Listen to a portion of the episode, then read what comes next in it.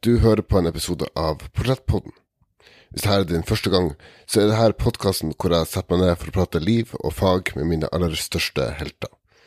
De som inspirerer meg, så får meg til å tenke, og så er jeg på å forstå mer av verden jeg lever i. Mitt navn er Mats Lasse Jangås, og sammen med min gjest, musiker Ola Rokkones, skal vi være stemmene i hodet ditt den nærmeste timen. Ola er en av de få saksofonistene som står like stødig både innenfor klassisk musikk og jazzen. Som klassisk musiker har han opptrådt med noen av de største orkestrene i Norge, Frankrike, Tyskland og ikke minst Marinskij symfoniorkester i Russland. Dette selvfølgelig før krigen brøt ut. Som jazzmusiker har han ofte samarbeidet med Marit Sandvik, et samarbeid som blant annet tok han helt til Brasil. Med en diskografi som rammer hele ni plateutgivelser, er Ola et selvsikkert navn på lista over Norges beste musikere, sjøl om han sjøl, som du snart vil høre, er altfor beskjeden til å si seg enig i det. Senhøstes i fjor møttes Ola og jeg for å ta en prat om musikk, hvordan valget havna på saksofon, store opplevelser i karrieren, og mye latter blir det også underveis. Med det ønsker dere riktig god fornøyelse.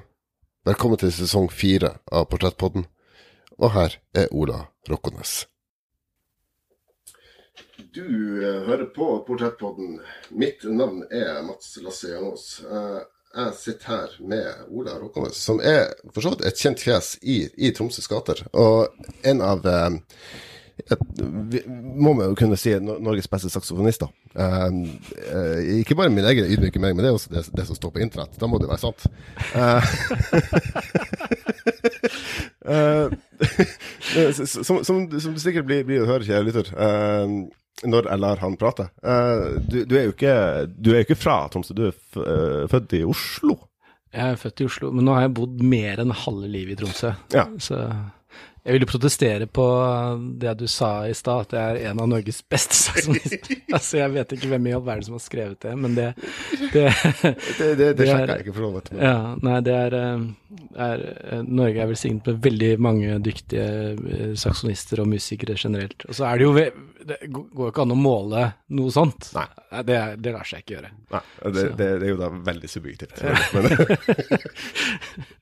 Ok, For å omformulere den, ut fra det jeg har hørt, så er du det Norges beste saksofonist som jeg har hørt. Greit. da ble den lista plutselig veldig mye kortere. Men, uh, men hvor mange står for, uh, fortsatt ved dag? Um, så hva, hva, Du har heldigvis ikke, ikke, gått til den fella som uh, min far har. da. Så han har jo også bodd mer harde liv i Tromsø, men han har jo begynt å legge om til noen små, små nordnorske gloser og tonefall og sånn. Det, det, det, du har ikke kommet helt dit ennå, i hvert fall. Eh, når jeg snakker med barna mine, så, så snakker jeg faktisk en del nordnorsk. Ah, ja, okay. Men jeg tør ikke det sånn Risikoen er at folk flirer seg i hjel. eller blir fornærmet, eller begge deler. ja, okay. ja. Jeg, tror jeg skal holde meg for god for å legge om på bokmål. Det blir sikkert helt samme reaksjon fra, fra de sider. Men jeg har følt et litt sånn ansvar eh, Altså, når jeg eh, bannes, så, så må jo Eh, altså Barna mine de trenger jo faktisk å lære seg, lære å, lære seg å banne ja. som nordlendinger. Jo. Der har jeg, har jeg, en liten vei å gå. altså jeg må, De kan ikke ende opp med sånn derre Søren, filleren. De må, det må, her må jeg, der må jeg faktisk ta et lite tak, tror jeg. Ja, ja altså Hvis man først havner i situasjonen hvor man trenger krattsarve, så trenger man litt mer enn du store kineser. Ja. Himmel og hav. Ja. Å, søren kryper uten styrmann. Um, jeg vet ikke hvor det kom fra, men ja. um, nei, ok. Men, eh, men altså, det, hva, hva, fører deg da til, til, Tromsø, hvis vi begynner der? Jeg, ehm, jeg var veldig fast bestemt på å bli musiker da jeg var, eh, var på videregående. Ja. Det var da i Oslo. Mm. Gikk musikklinja, og da musikklinja nærma seg slutten, så var det på tide å søke seg inn på konservatorier. Mm. Um, og jeg ville jo helst inn i Oslo. Ja. Men uh, hun som var lærer i Oslo, hun var også lærer i Tromsø. ja. Så hun sa du kan jo bare prøvespille i Tromsø også, Mm. så blir det en sånn fin uh, oppvarming. Ja. Og så kom jeg hit, da, og det var mars, og det var sikkert snørekord, og jeg syntes det var dritfint. Mm. Altså, det var uh, utrolig hyggelige folk. Konservatoriet hadde kjempefine fasiliteter, masse øvingsrom. Eh, I motsetning til Oslo, der var det nesten umulig å få tak i øvingsrom. Vannet smakte godt, og frisk luft. Eh, det var ordentlig fint. Så, og så gjorde jeg et veldig bra prøvespill, da, tydeligvis, for jeg, jeg, jeg ble akseptert da. Mm. Og så kom jeg da til prøvespill i Oslo, var det to uker seinere eller noe sånt. Mm. Og så fikk jeg det ikke til. Vel. Og da ble plutselig valg, valgmulighetene mye mer begrenset. Ja. Så Men da tenkte jeg at uh, ja, jeg blir her ett år. Mm. og det er nå Nå er det uh, Altså nå, nå i år så er det faktisk Nå i høst så er det 20-årsjubileum Oi. for uh, min, mitt Tromsø-opphold. Uavbrutt 20 år i Tromsø. Gratulerer. Ja, jeg har reist utenfor Tromsø mens jeg har bodd her, men Jo. jeg har bodd her i 20 år. Ja.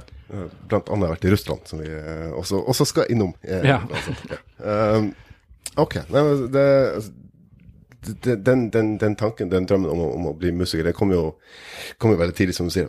Men, eh, det valget, hvis man kan bruke det ordet, å, å, å satse på saksofon, gjør at um, eller omformulere, hvis, man spiller piano, så har man jo masse eh, konserter og, og, og, og stykker som er skrevet spesielt for, for piano, eller fiolin, eller uh, men, men saksofon er kanskje litt eh, det, det er kanskje litt manglevare på de, de sto, store stykkene hvor man kan, kan breie seg og, skryte av sine ferdigheter. ja, ja. Altså, som klassisk instrument så er ikke saksofon eh, veldig eh, anerkjent. Nei. Men eh, vi er en, en stor gjeng eh, over hele verden som jobber veldig hardt med det. Ja. Så det var jo litt, var litt uflaks, for uh, symfoniorkestrene ble etablert som ensemble uh, sånn rett før saksofonen fikk sitt gjennombrudd. Ja. Og da var det plutselig ikke plass da, til et helt nytt instrument. Så det var masse sånn På midten av 1800-tallet kom jo de første saksofonene. Mm. Og det var utrolig mye intriger og eh, folk som prøvde å stjele patenter og diverse. Så på et eller annet tidspunkt så gikk faktisk Napoleon inn og beskyttet, eh, beskyttet eh, saksofonoppfinnelsen med var- Men, men, eh, men eh, faktum er jo at eh, de store komponistene da, som folk har hørt om, Ja. de har i all hovedsak ikke skrevet for saksofon. Nei.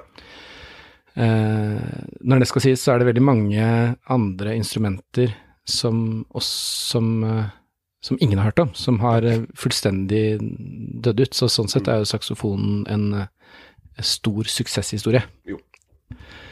Så hvis man skal, skal trekke de, de lange linjene, så har vi Napoleon å takke for at du, du, du er her i dag. Ja. altså, det er mye kuriosa man kan snakke om når det gjelder saksofon. Altså. Ja. Hvis du, vi har nok, nok materiale å fylle sendingen din med. Ja, ja, ja. Jeg kan til og med lage flere episoder. ja, så det, det, altså, til, til det du sier, altså, så hadde Mozart og Beethoven og Brahms og, og, og dem levd si 100-200 år senere, så hadde de kanskje skrevet for saksofon.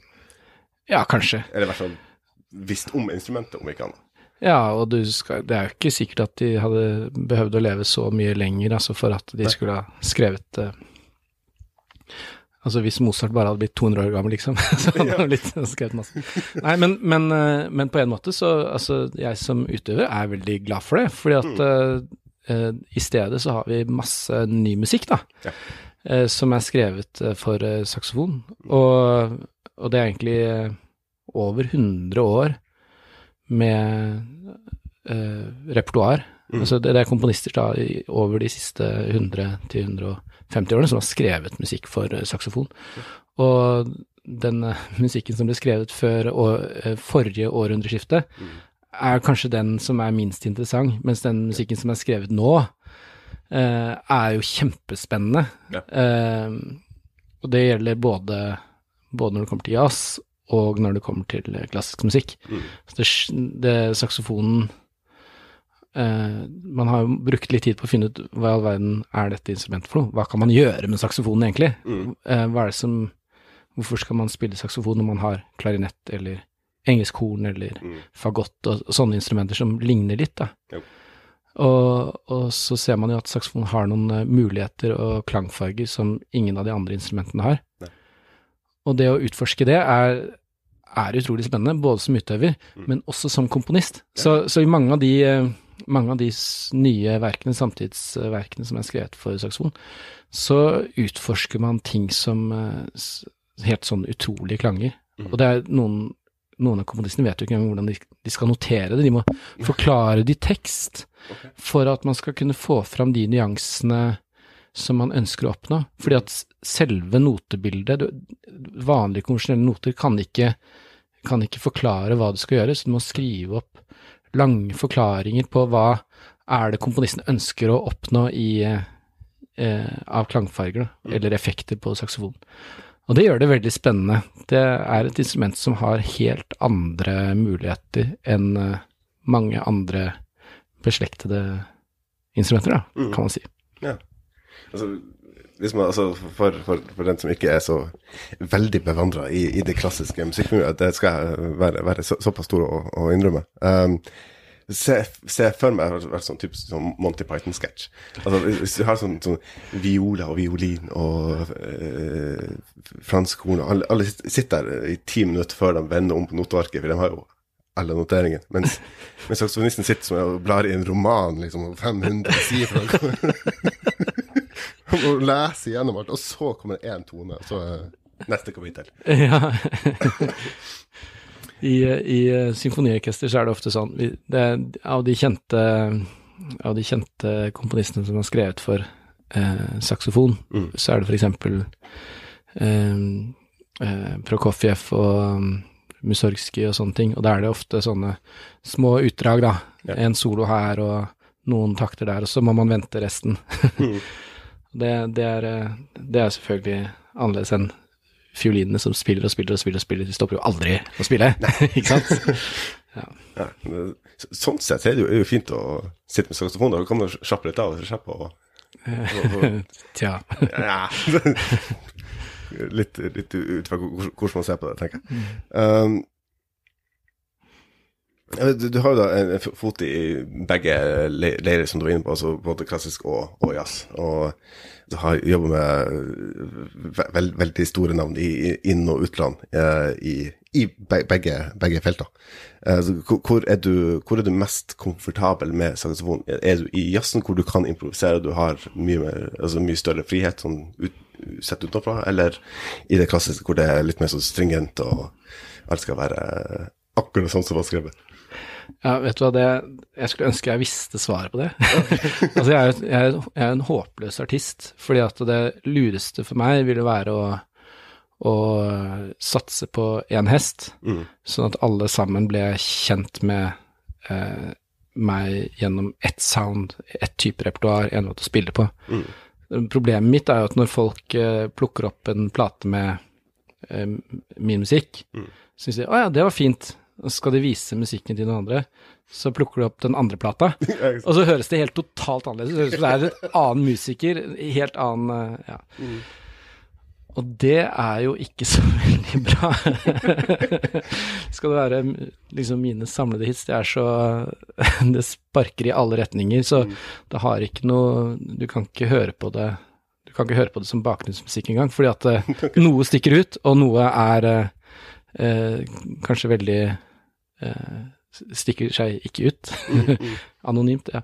Så, så det, det er eh, jeg hadde, jeg hadde nok eh, hatt en mye større karriere. Det hadde nok, hadde nok kanskje vært eh, mer gunstig for meg hvis, Mm. jeg, hvis, jeg hadde, hvis jeg hadde bare satset på én ting, da. Men uh, mitt problem er at jeg liker så godt å spille. jeg liker så godt å, å, å gjøre forskjellige ting. Mm.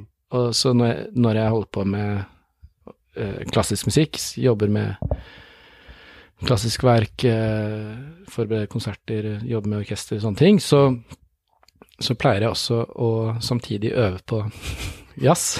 For jeg, det- som skjer da et par uker seinere, er at jeg skal ut på jazzturné. Mm. Så da, mens jeg holder på med klassiske konserter, så driver jeg allerede og øver på ting som skal skje på jazzturneen. Mm. Og mens jeg er på Jazsternes, så holder jeg på med å øve på ting som skal skje på neste klassisk prosjekt.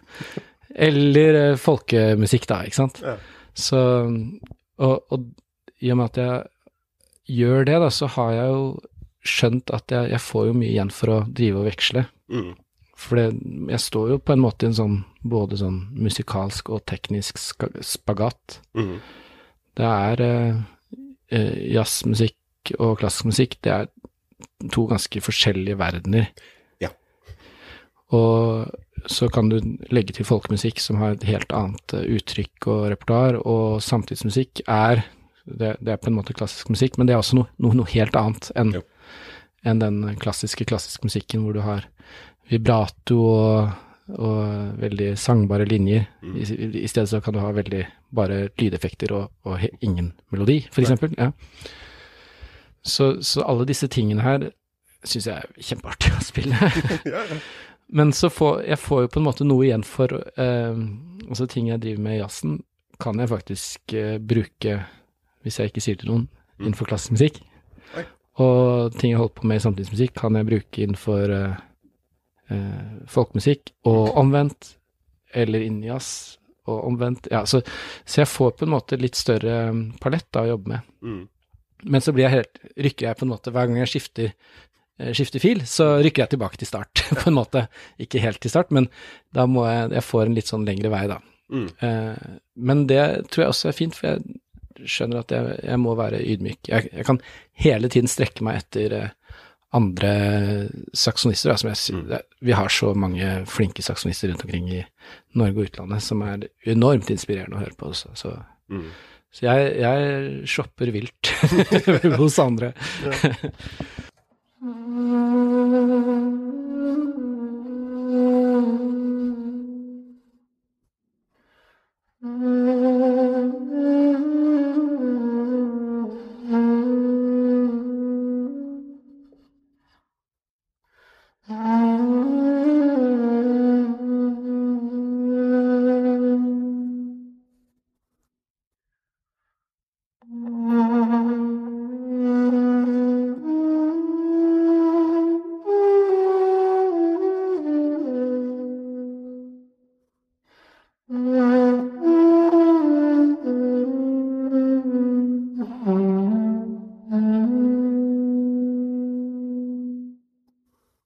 Altså, hvis det er én ting jeg har uh, oppdaga i min, uh, min research, og, og, og bare det å sette på uh, musikken din i, i bakgrunnen Ja, det funker faktisk som bakgrunnsmusikk. Eh, er jo at det er jo såpass variert. Altså, jeg liker å se positivt på ting. Det er såpass variert at du, du har liksom en, eh, altså, Du har en type musikk for enhver type stemning, tenker jeg. Ja, Så, hvis jeg har en dårlig dag, som jeg for så vidt hadde i går, så Skal ikke Jeg er ikke vi hos, hos eh, psykologen her, altså, men, eh, men eh, da, da, da hjalp det veldig å sette på eh, altså, klassisk saksofon, som jeg for så vidt ikke har, har blitt eksponert for før. Eh, og det å oppleve det på en helt, helt ny måte. Og, og da er jeg kjempegira og setter på jazz og bare ja!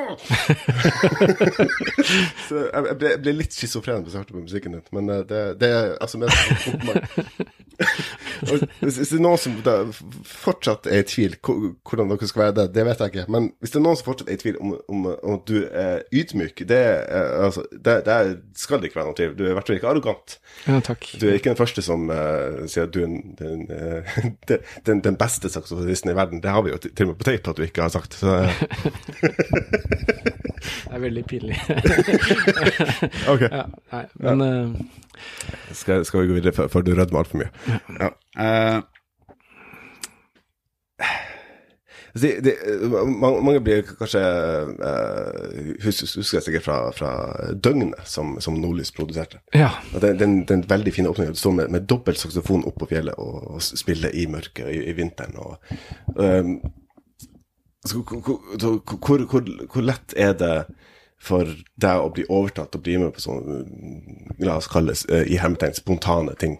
Ja. Er, er- er du den som, som sitter veldig lenge og ruger på en idé før, før du slipper løs, eller er det bare let's do it? Ja, nei, altså det, dette er jo den andre tingen som er kanskje litt sånn på lang sikt uh, skadelig for meg. Eh, jeg, jeg er så lett å be. Jeg bare elsker Jeg elsker å spille. Så Noen spør om å spille, så bare Ja! Ja!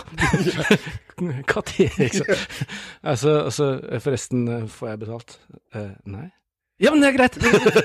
det går fint. Så ja, jeg, jeg, jeg er jo ikke sånn Det er helt håpløst. Du får eksponering, Ola. Det er Vafler og kaffe. Og sånt. Kommer an på det. Men, men, eh, men eh, jeg strekker meg ofte veldig langt for oss å, å spille, for, Mm. fordi jeg, jeg elsker å spille. Og så elsker jeg å spille med folk. Og så elsker jeg å møte folk da, i uh, musikalske situasjoner. Det er også en fordel hvis man liker å spille med folk. Ja, altså uh, Og det å, det å spille for folk Altså, musikken oppstår jo på en måte ikke før jeg møter de som skal høre på, de som skal oppleve det som skjer. Mm. Så det å være med på den interaksjonen der, det, det er kanskje det som jeg syns er best med å være musiker. Mm.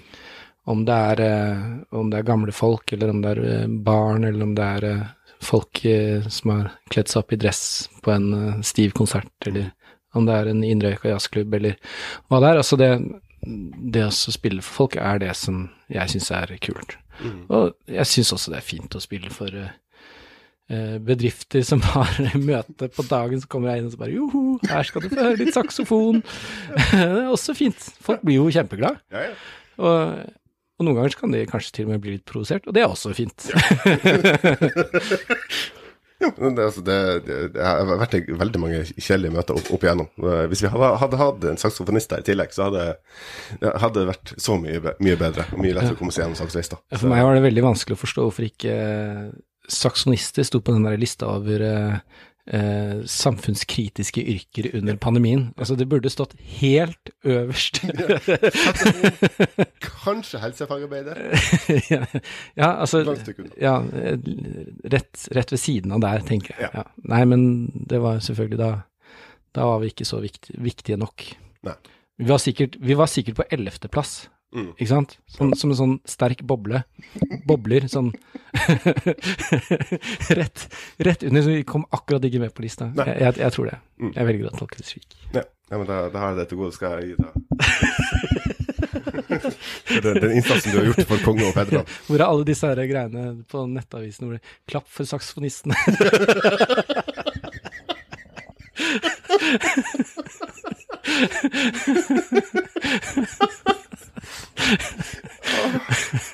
Se, se livaktig for meg. Så er en hel bydel i Oslo det går bananas. Og en saksofonist bare står på Karl Johan. Hallo!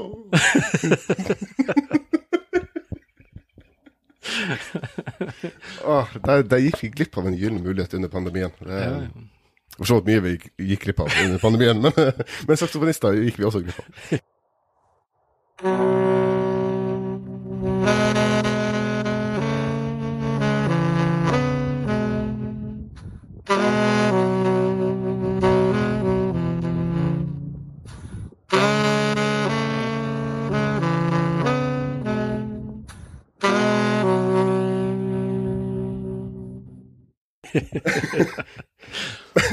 Nei, altså, fra, fra spøk til alvor, altså, musikk er jo, eh, altså, er, er jo veldig viktig for, for å opprettholde god helse, har jeg blitt fortalt, og det, det står, står jeg inne for.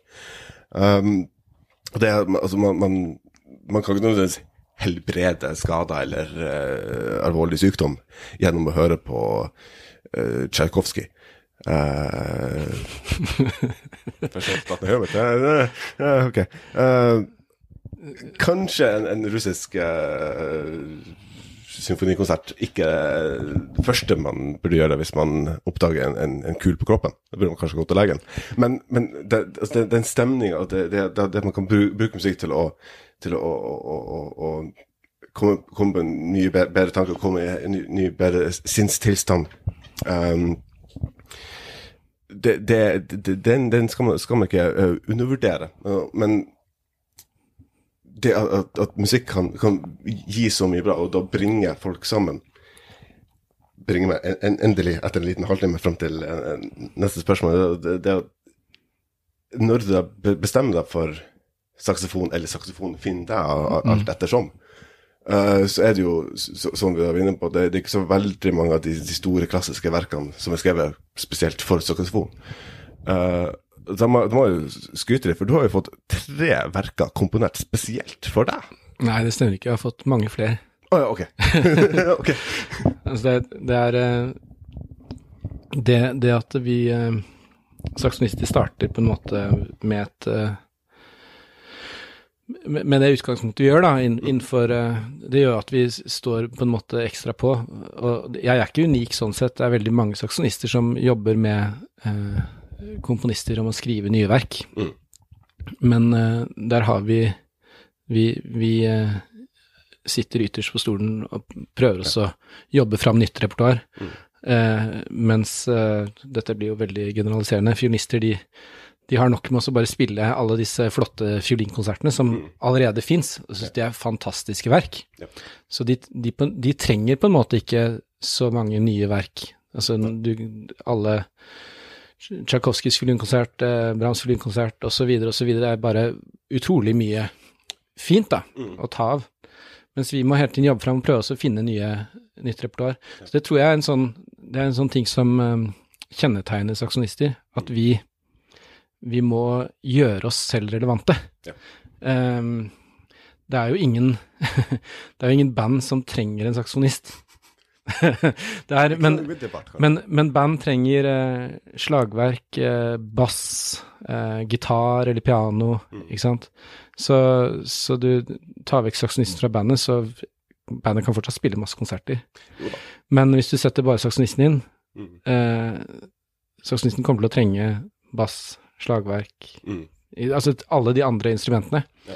Det, det som skjer da, også da i jazzsammenheng, er at det er saksonisten må jobbe masse for å sette sammen band, for å lage turné, fordi at du eh, Så veldig mange saksonister, da enten innenfor klassisk eller innenfor jazz, blir en sånn eh, eh, Setter seg selv i en sånn frontfigurrolle, hvor man jobber fram repertoar, jobber fram turneer, jobber fram prosjekter. Eh, og det er også bare Det er veldig sjelden at uh, saksonisten bare er med på lasset, Ja. eh, sånn sett, da. Mm. Eh, og derfor så fins det veldig mange sterke eh, saksonister, profilerte saksonister rundt omkring, som, eh, som jobber på. For skal, skal du klare det, Mm. skal du klare å være saksonist, så må du på en måte ut eh, og, og søke deg til noe. Finne komponister å jobbe med, finne orkester å jobbe med, finne eh, band å jobbe med, finne lag, Sette opp turneer. Mm. Og gjør man ikke det, så skjer det ingenting. Nei. Og da, da er det ikke da, Det er jo grenser for hvor lenge man kan sitte uten, å, uten at det skjer noe som musiker. Ja. eh, uten konsertinntekter eller uten noe som helst. Ja. Altså, en, en, en musiker som, som, som ikke spiller, har vel kanskje ikke så veldig mange inntekter fra, fra musikken, da, i hvert fall. Nei, det, det, men det, det er eh, Man kan jo ha selvfølgelig perioder hvor man jobber kunstnerisk uten å nødvendigvis være på scenen, men, men det er eh, eh, De aller fleste musikere, vil jeg påstå, ønsker å være til stede i, i musikalske sammenhenger, da. Altså, altså, det, det er jo, det er jo velkjent eh, faktum. Det, det er jo gje- gjennomgangstema i mange av de her eh, episodene jeg hadde. At det, det er jo ingen som uh, ingen som har den, den motivasjonen at du sitter på sofaen og, og venter på at noen skal ringe deg. Altså, skal, nå, nå sier vi det, det, det er onsdag, det er fint vær ute, men uh, jeg tar meg hele halvtime på sofaen og venter på at uh, Marinski skal bare se på tråden. Liksom. Det, det, det skjer jo ikke med mindre man er proaktiv, tenker jeg. Jeg har jo tenkt litt på et sånt konsept, da, sånn ringa ding dong pling plong. Ja. Det er sånn familie på fredagskvelden som har uh, 20 minutter å slå i hjel mellom uh, fredagstacoen og uh, game, altså gameshow på TV. Mm. Eh, hva skal vi gjøre nå? Ja. Ikke sant? Jo, vi trenger ti minutter med samtidsmusikk. Mm. Ring-a-ding-dong-pling-plong Kommer det noen og så spiller samtidsmusikk i ti minutter i stuen din, og så fredagskvelden reddet. Tenker jeg det hadde vært en veldig fin, eh, et fint konsept. Ja, ja. altså, hvis vi strekte ut litt, litt, lenger, hvis du holder på en halvtime, så slipper jeg å se på Norge Rundt. ja, ikke sant? Eller lottotrekninga Ja. på lørdag. Ja. Som, jeg, som jeg ikke har, spilt på, så da blir jeg bare deprimert.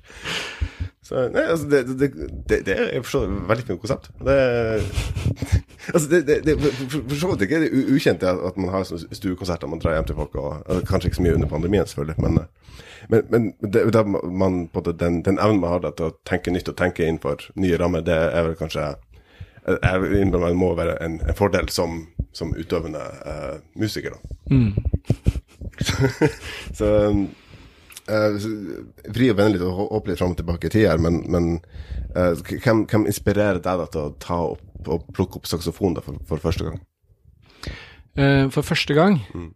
Eh, Nei, det var uh, mine foreldre, rett og slett. Uh, det var presentasjon av instrumenter i korpset, der hvor jeg bodde på den tida, da jeg var sju-åtte år. Og så syns jeg jo trommesett hørtes jo veldig kult ut, da. Syns sikkert ikke foreldrene dine. Nei. Nei. Så da sa de nei, det skal du ikke spille. Og da ble det saksofon i stedet. Mm. Men hvor gjennomtenkt det var De hadde sikkert snakket om det, at uh, velg saksofon, uh, for det er et fint instrument. Men eh, på, jeg hadde ikke noe, på en måte noe sånn Det var nok litt motvillig for meg. Jeg ville jo helst Mm. spille trommer. Det var jo, de spilte jo kjempekule riff, ikke sant. Ja. Ja. Så, men jeg, jeg hadde ikke noe jeg skulle sagt, så ble jeg satt i eh. Mm. Og jeg er veldig glad for det. Ja. Altså, det er veldig mange tilfeldigheter som, som, eh, som skal til. Mm. Um, så, så jeg fikk, eh, fikk en veldig god lærer. En av eh, mine gode klassekamerater på den tida begynte også å spille saksofon. Mm. Han fikk ikke en god lærer. Han slutta. Ja. Så og, og så videre. Ja. Så, så det er det jo mye det, det kunne jo vært motsatt, for eksempel. Mm. Jeg har litt sånn samme uh, erfaring som, som, som eh, bestekompisen din. da. Jeg begynte også i, i korps Ja, eh, på, på grunn av bestekompisen min, og begynte å spille althorn, for det gjorde han òg. ja. ja. uh, jeg hadde forstått aldri på den tida, det har jeg for- fortsatt til, til en dag i dag, klart å lære meg å lese noter. Det ble jo en liten utfordring når man da skulle faktisk spille instrumentet sitt. Ja, i, I korps kan det være en utfordring. Men ja. må, man må huske på at det er veldig mange av de store musikerne, eh, særlig innenfor jazz, da, som ikke kunne lese noter. Nei. De var bare kjempegode å spille, Mm. rett og slett. Ja. Det fins utrolig mange veier til rom, for å si det mildt. Det gjør jo Ja. det. Og, og vi tenker jo at det, det finnes eh, Det finnes bare noen få typer musikere. Altså eh, bandmusiker eller orkestermusiker, eh, solist. Mm. Eh, at det er det. Altså man må liksom velge. Er du frilans, eller er du fast ansatt? Eh, men faktum er at når man, når man har gjort sånne service og sett på hvor mange typer roller finnes det av musikere rundt omkring, hva, hva, er det, hva er det en musiker kan jobbe med, så klarer du å identifisere mellom 50 og 100 forskjellige typer musikere. Ja. Og det er jo nettopp det Én ting er at du går gjennom et, eh, et eh, utdanningsløp, eller en, en, et, eh, enten det er formell eller uformell Mm. utdanning, da, ikke sant. At, at man blir formet som musik, musiker, Mm. og at man skal um, mine e- egne regler skulle ha telefon. eh, At man da har en forventning om hva man skal eh, ende opp som. Mm. Men når man, eh, når man, er, når man er klar til å dra ut i arbeidslivet som musiker, så skal man finne sin egen nisje. Ja. Og det er eh, eh, Det er noe det er noe helt annet. Det er, det er antageligvis ikke nødvendigvis det man trodde det skulle være. Nei. Eh, det kan være noe helt annet. Og det kan være bedre, eller det kan være helt annerledes enn det man trodde. Mm. Det er utrolig mange talentfulle musikere som jeg har sett opp igjennom, som har slutta å spille. Mm. Dessverre, eller i hvert fall på profesjonelt nivå. Ja. Fordi at de har funnet ut, kanskje, at det å være prosjektleder og eh, skrive søknader og det å Mm. ta telefoner og avslag, ikke sant, at det er så slitsomt. Det gidder ikke. Når, eh, når jeg skal sette opp en turné, eller jeg skal gjøre et prosjekt, så ser jo jeg eh, det av, av ti av, av ti forsøk, så er jeg heldig hvis det er bare altså hvis, hvis det er bare ni av dem som uh, mislykkes, ikke sant. Så jeg, jeg, lykkes kanskje én gang av ti, mm. kanskje én gang av 20 med det jeg prøver å få til. Mm. Og det er, da er det veldig lett å fokusere på alle nederlagene, rett og slett. Mm. Og så ser jeg, ikke sant, prøver å få, få, spille på den klubben, eller prøver å spille med det orkesteret. Sånn. Så det er veldig mange andre som spiller der. Ja. De fikk det til, ikke mm. jeg. da er det veldig lett å grase ned. Men det jeg, jeg, eh, Det er jo ingen som forteller om alle de avslagene man får. Man forteller jo bare om de uh, mulighetene man får. Mm. Så det som jeg opplever som, uh, som uh, musiker, mm. det opplever alle de andre også. Ja, ja. Men vi snakker ikke om det. Så, så de store, store artister mm. har akkurat den samme virkeligheten da, som, som, det jeg har. De prøver, prøver, seg på ting, prøver seg på prosjekter, turneer, og så mislykkes de. Men de forteller ikke om det, de forteller om de, de konsertene de får til. Mm.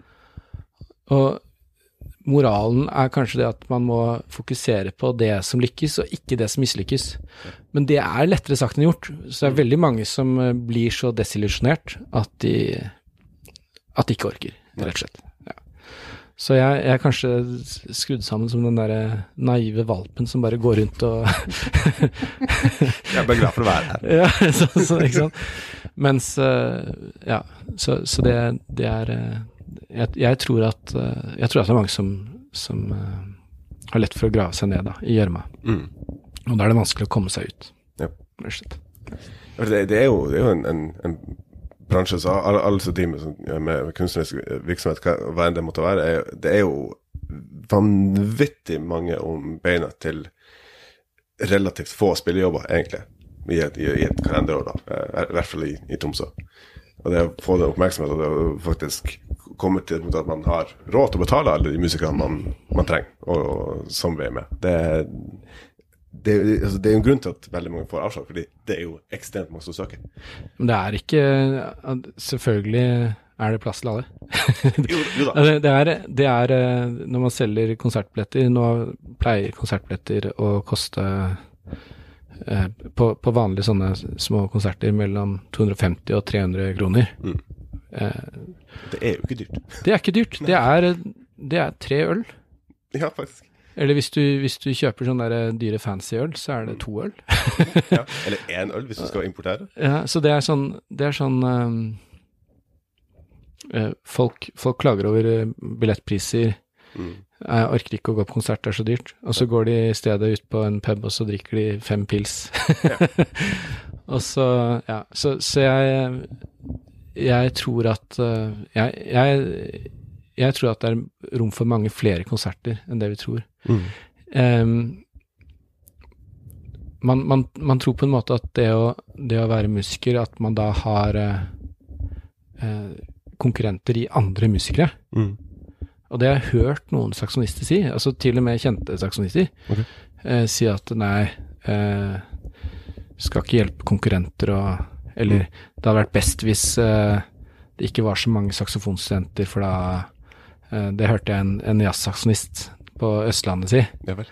Nei, fordi at da, da, kommer de ut, og så skal de ta alle penga fra Kulturrådet og alle mm. spillejobbene og alle sånt ikke sant. Ja. Så bare Det eh, man, man, skulle prøvd å legge en turné til et sted hvor det vanligvis ikke er konserter. Altså Hvis den logikken stemmer, så drar du til et sted hvor det vanligvis ikke er konserter. Mm. Og da vil jo folk strømme til. Ja. Og det vil bli tjåkefullt av folk. Mm -hmm.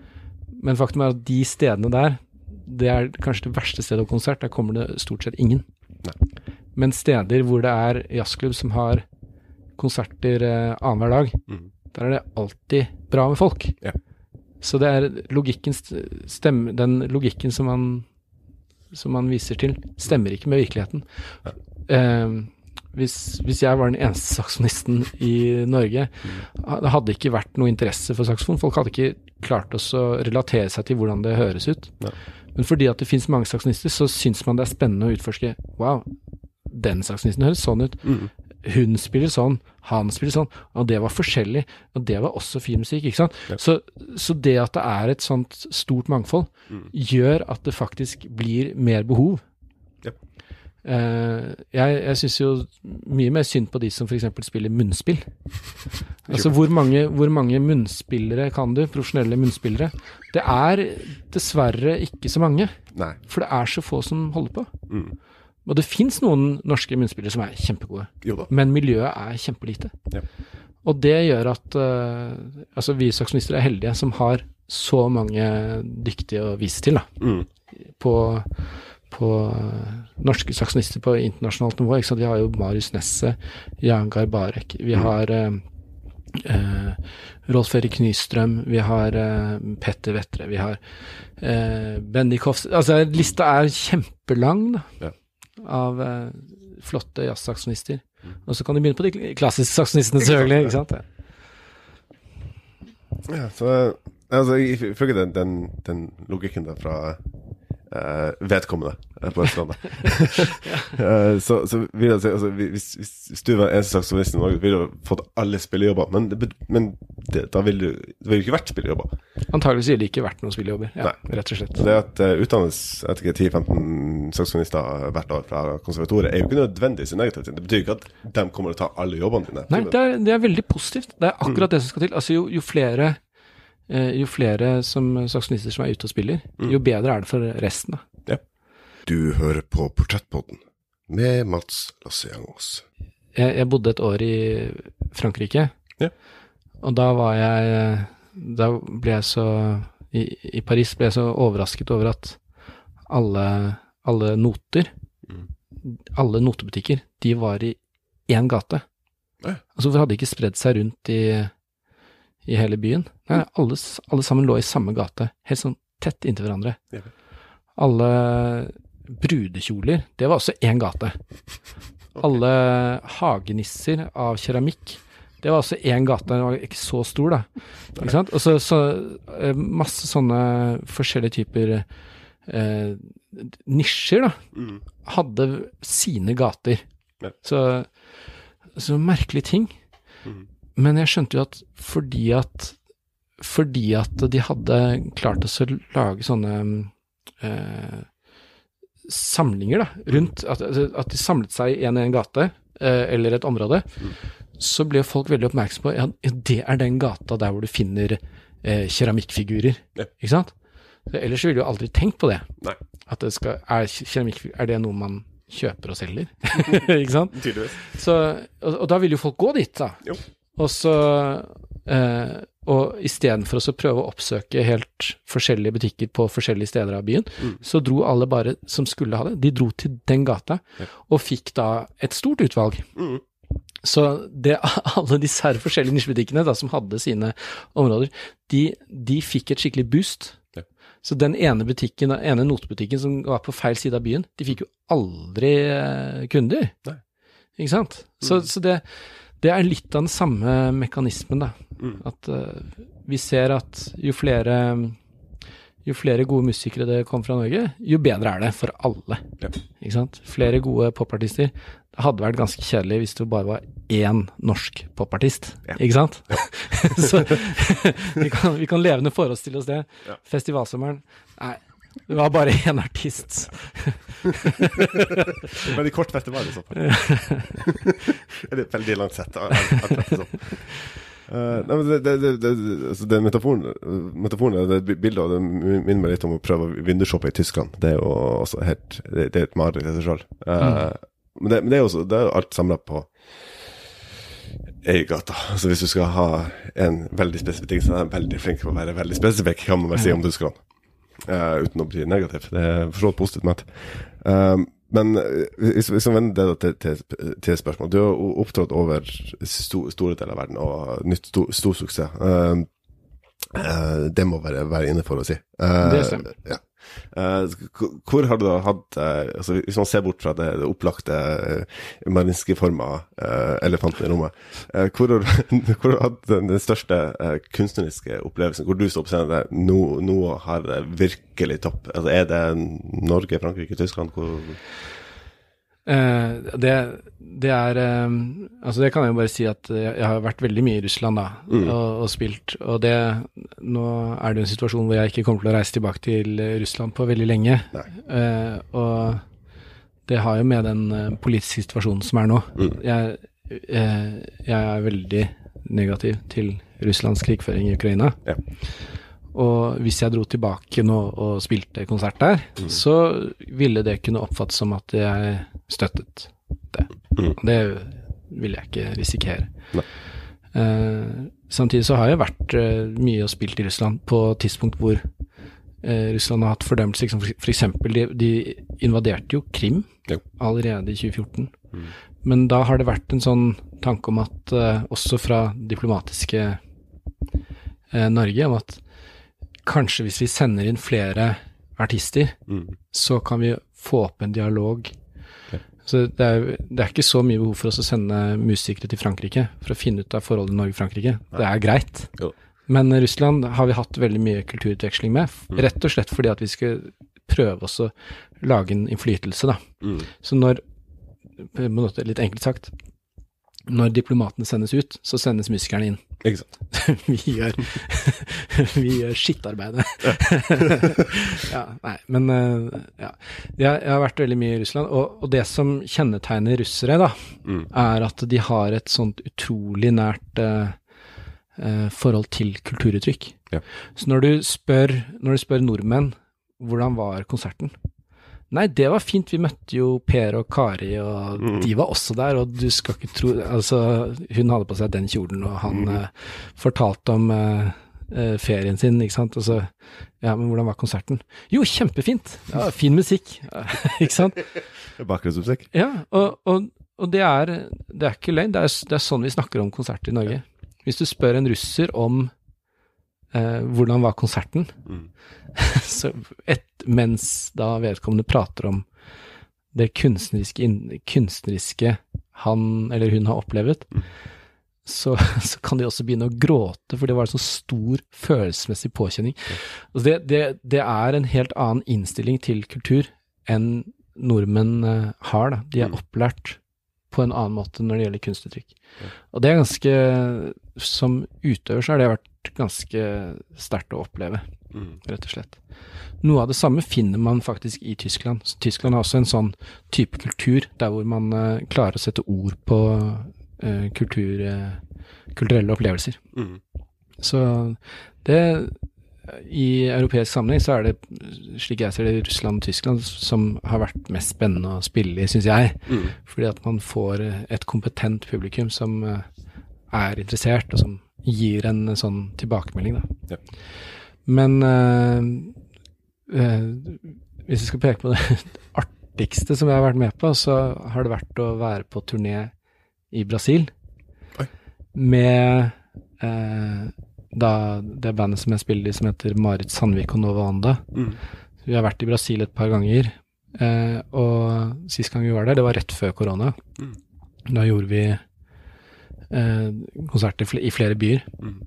med da vår egen musikk, hvor Marit Sandvik da synger på nordnorsk Mm. i låter som vi har komponert i en brasiliansk stil. Oi. Så kommer vi dit der hvor folk bare snakker brasiliansk-portugisisk, og Mm. bare Nå skal vi vise dere hvordan man spiller samba i Nord-Norge. Og de har blitt helt Og folk blir helt uh, ville. Bare wow, så kult! Og uh, har virkelig uh, klappet oss fram til ekstranummer og kommet etterpå og syntes at vi var, det var kjempefint. Og, og det er kult, for de, de har, aner jo ikke hva vi synger om engang. Og så omfavne musikken på den måten vi, vi som ikke er ekte brasilianere, liksom. Mm. Det har, det har vært helt eh, Det var, for meg en helt fantastisk opplevelse. Ja, ja. Så det er klart at det er kjempegøy når man spiller sånne eh, sånne store klassiske verk, da. Mm. Eh, I hvert fall i saksofonsammenheng. Ja. med et symfoniorkester, og folk syns at det er veldig flott og sånn. Men i, sånn som i den, den folkelige settingen som, man, som vi var der, da, med i Brasil, Mm. eh, både i byen og langt ut på landet, og folk, eh, folk reagerte på, på den måten som du gjorde, det var utrolig artig, Mm. rett og slett. Ja. Ja. Store opplevelser. Ja. Nå er jo Brasil er også litt sånn som Russland er sånn med en, eh, en leder, en, en eh, president, som er helt ute å kjøre. Og nå er det jo ikke lenge til det er valg der. Får jo bare håpe at han ikke tar en Trump. For det er eh, Det er jo hans store idol, visstnok. så- Ja, nei. Så det er jo ganske mye liste over land som eh, er ute og svømmer. Ja, kanskje får en telefon eh, når, når vi er ferdig nå fra ambassaden i, i Brasil. Vi, trenger saksofonist. Konto! Ja, sender ut uh, diplomaten og trenger saksofonister inn. Altså, når, når, når, det blir, når det blir for farlig for diplomaten, da sender inn musikerne. Uh, okay, hvis vi fra en, stor opplevelse til det som um, må være en, en annen like stor, om ikke enda større opplevelse. Altså, det å, å, å, å, opptre i, i Russland, i St. Petersburg, det, det, det, det er jo ikke alle forunt. Uh, hvordan, kom altså, Kan du fortelle den, den historien? Hvordan, hvordan kom det i stand, egentlig?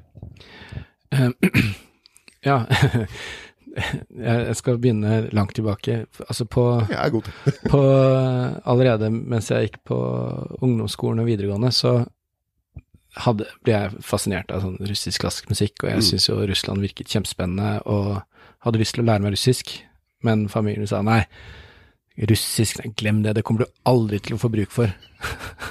jeg kommer aldri til å få bruk for. Nei. Fasit er at jeg har vært og spilt turné i Russland sånn 6-27 ganger, og hver eneste gang så har jeg tenkt, nå, nå må jeg dette her, nå må jeg begynne å lære meg russisk. ja, men eh, ja. Så, så første gang jeg var i Russland var vel kanskje i 2004. Mm. Og så siden så har jeg vært på turné da fra 2009 og utover. Hvert, hvert år én eller to ganger. Mm. Eh, så eh, vi har jobbet med både først, da, ikke sant, med eh, på små klubber med jazzturné, og så etter hvert med klassiske ensembler, diverse. Så, og så begynte jeg å jobbe sammen med Ulf Jensen, Ja. som uh, har vært uh, Han har blant annet vært uh, festivalsjef for Nordlysfestivalen. Mm. Og han så jo at jeg hadde jobbet veldig mye med russiske aktører. Og selv hadde jo han kontakter inn mot flere store institusjoner Mm. i Russland. Han var jo Ulf Jensen var jo den som eh, brakte Marinskij for første gang til Norge på gudene vet hvor lenge, og Bolsjoj. Mm. Eh, store kulturinstitusjoner som kom direkte til Tromsø og gjorde store oppsetninger. Mm. Eh, og, og folk i resten av det klassiske miljøet i Norge fikk jo hakeslepp. Yeah. Hva i all verden, ikke sant? Så, så det var eh, Det ga skikkelig gjenlyd. Mm. Og Ulf eh, hørte på musikken min og syntes jo at det var veldig bra. Mm. Så han, han eh, sa la oss prøve å bare ta kontakt Ja. med Marinskij, eh, for eksempel. ja. Vær så skjøt han sin nei. Ja. Og så, så vi fikk jo møte med noen av produsentene der, da, som, som jobber tett på eh, Gerge, altså Gerges eh, nærmeste medarbeidere. Mm. Og, og det som skjedde da, var at de Ja, det høres jo kjempefint ut, det du gjør. Ja. Du kan godt spille med Marinski, du. Det, ja, ja. Fint. Når pass, passer det i eh, juni, eksempel? passer nå, vet du. Ja. Da har vi en plan. Ja. Og jeg ble helt slått i bakken. Ja, Ja. Men eh, det var jo det, det er jo litt urettferdig. Altså, det er, det er så mange som har lyst til å spille Mm. med alle rundt omkring. Ja. De har ikke tid til å svare på e-posten engang, ikke sant. Nei, nei. Men når man først får mulighet til å presentere seg, Mm. og får mulighet til å presentere sitt kunstneriske prosjekt, så da er det bra nok, så er det bra nok. Mm. Får man spille. Så det var helt fantastisk. Det var, så det var Ulf Jensen som åpnet døra, Mm. eh, kan du si. Men, men samtidig så hadde jeg også noe å fare med, da. Jo. Og det de så også, var jo at jeg hadde jo en, en lang fartstid da, Mm. ikke sant, med russiske prosjekter. De så jo da at jeg hadde jo spilt med den og den, og jeg hadde jobbet med dem, og Mm. spilt her og der, og så, så jeg hadde jo også noe å vise til. Det var ikke bare et, uh, en som kom fra ingen, ingen steder. Nei. Og det, det gjorde at de i, i sum eh, inviterte meg inn, da. Mm. Og da gjorde jeg konsert eh, første konserten med, jeg gjorde med Marinske Symfoniorkester, var vel kanskje i 2016. Jeg husker ikke helt. Nøyaktig årstall. Men det var eh, Jeg tror, jeg tror det. 2016. Ja. Og eh, det var altså utsolgt konsertsal. Og det var helt utrolig. 1000 mennesker. Og eh, TV-overføring og Ja. Det var, det var rett og slett helt utrolig. Ja. Og så sa, sa de Så inviterte de meg tilbake igjen Mm. med jazzband. Nok en utsolgt konsert. Mm. Og så sa de ja, vil du komme og spille igjen? Med, som klassisk saksofonist? Ja. Ja. ja, gjerne det. Ja, ja. Så, så jeg sa jo hvor mange Kan jeg komme flere ganger? Ja, det kan du. Eh, k- kanskje ikke flere enn én gang per år, da. Nei, ok. Men det er greit for meg.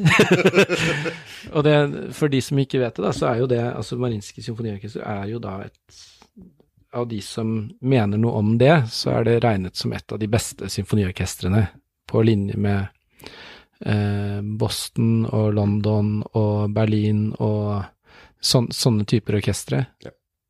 Så det var jo helt fantastisk Mm. å, å få den muligheten. Men eh, det, det er jo nå Den tiden er forbi. For altså Gergiev, Gergiev sitter altså i Sikkerhetsrådet. Gergiev er kunstnerisk leder for uh, Marinskij. Han sitter i Sikkerhetsrådet til Putin, så han er med på hele, hele denne invasjonen til eh, Ukraina. Mm. Det at han eh, gjør det, det har ført til at han har mistet hele sin internasjonale karriere. Så han, han er nå ekskludert fra å, å dirigere andre orkestre i USA og Europa, det som han på en måte brant for tidligere. Ja. Han var jo over hele verden. Og hans nærmeste medarbeidere, som da var de som eh, tok meg inn, da, Mm. de har nå sagt opp i protest. Ja. Så det, dette er, det var en tid, Ja. og nå er den tiden forbi, da, kan du si. Så Jeg holdt på å si at det, det, kanskje det kommer flere minutter når, når krigen en dag er endelig over, men Ja.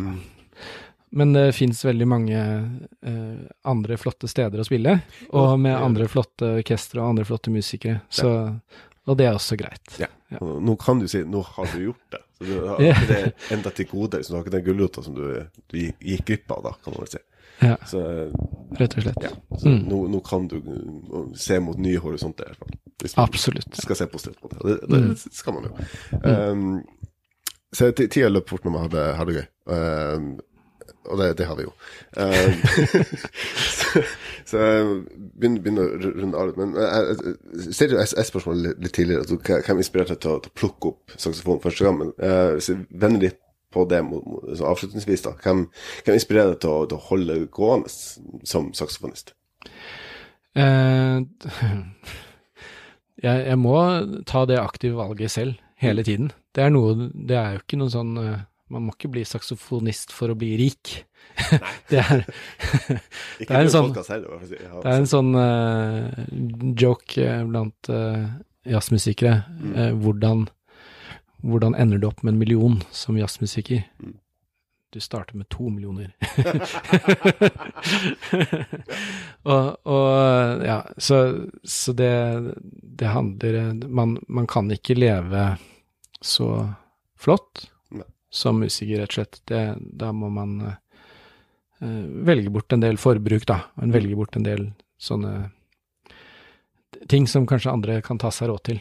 Ja. Men, eh, men eh, samtidig så Jeg får jo En del av jobben min handler jo f.eks. om mye, ofte om å reise Mm. til andre spennende steder. Så jeg har jo kanskje ikke det behovet som andre har, bruker, som bruker veldig mye penger på eh, utenlandsferier og, og sånne ting. Mm. Eh, så, så der får jeg på en måte dekket det, Jeg sparer mye penger der, da. det kan du si. Ja. Eh, men, men så er det eh, Men, men eh, jeg må ofte minne meg selv på hva, hvorfor jeg gjør det jeg gjør. Mm. Eh, eh, at, at jeg må velge å, å jobbe med alle disse tingene, administrative tingene. Mm. Få avslag, avslag, avslag, Ja. før jeg får et tilslag, da. Mm. Eh, men det er veldig inspirerende å se de andre som, som holder på å få det til. Og det, det gjelder både folk her i Tromsø eh, jeg, jeg holder nå faktisk på med en mastergrad på konservatoriet, og da har jeg en veldig inspirerende lærer som heter Lars Lien. Mm. Eh, og han gir meg veldig fine perspektiver musikalsk og Ja, og, og, og så er det jo musikere andre steder som, som eh, det er veldig spennende å følge. Og det gjelder både innenfor klassisk musikk og jazz og jeg har På Instagram min så er det jo bare saksofonvideoer av folk som Fra her og der som spiller saksofon. Og det er bare wow, å, de er så flinke alle sammen. det er selvfølgelig veldig inspirerende, så ja. Eh, men eh, for, eh, for meg så så lenge jeg føler at jeg utvikler meg og kan At jeg fortsatt kan utforske og bli bedre å spille, så, så syns jeg det er spennende å være musiker. Hvis det hadde blitt et ork, så, så hadde jeg nok stoppa opp, Mm. tror jeg. Ja. Men eh, jeg liker å, jeg liker å leke eh, med instrumentet, avdekke nye ting. Jeg driver jo og putter to saksofoner i kjeften samtidig, for eksempel, og finner ut går det an å gjøre det eh, bra. Finne Det, det det. at det låter fint, for eksempel. Eller man tar av munnstykket på saksofonen, hva skjer da? Mm. Eh, kan, saks, kan saksofonen brukes som en fløyte? Eller som et uh, horn? Og det, til en viss grad så kan man det. Men eh, så se om jeg kan strekke den strikken enda lenger, da. Få til noe bra. Det syns jeg er veldig spennende. Det er, det er spennende å se hvor, hvor, man, hvor jeg kan havne da med sånne ting. Du har hørt på en episode av eh, Portrettpodden. Mitt navn er Mats Lasse Jangås. Min gjest i denne episoden var Ola Åkernes. Eh, tusen takk for at du var med i denne episoden. Tusen takk skal du ha, Mats. Du har hørt en episode av Portrettpodden. Podkasten med meg, Mats Lasse Jangås. Og min gjest i denne episoden var musiker Ola Rokkones. Min takk til Ola for at han tok seg tid til å være med i denne episoden. Har du gjort deg noen tanker mens du har hørt på? Har du ris eller ros eller tips ønsker å komme med, så kan du rette til Portrettpodden sine Facebook-sider, eller på e-post til portrettpodden at gmail.com. I løpet av denne episoden har du hørt ulike musikkstykker fremført av Ola. Jeg lagde meg Så Silde og Somebody av Dagny, spilt på dobbeltsaksofon som del av Nordlys reportasjeserie Døgnet. Alle lydklipp er benytta i en redaksjonell kontekst og faller under sitatrett. Portrettpodden arbeider i henhold til Vær varsom-plakatens regler for god presseskikk. Takk for at nettopp du hører på, og vi høres snart igjen.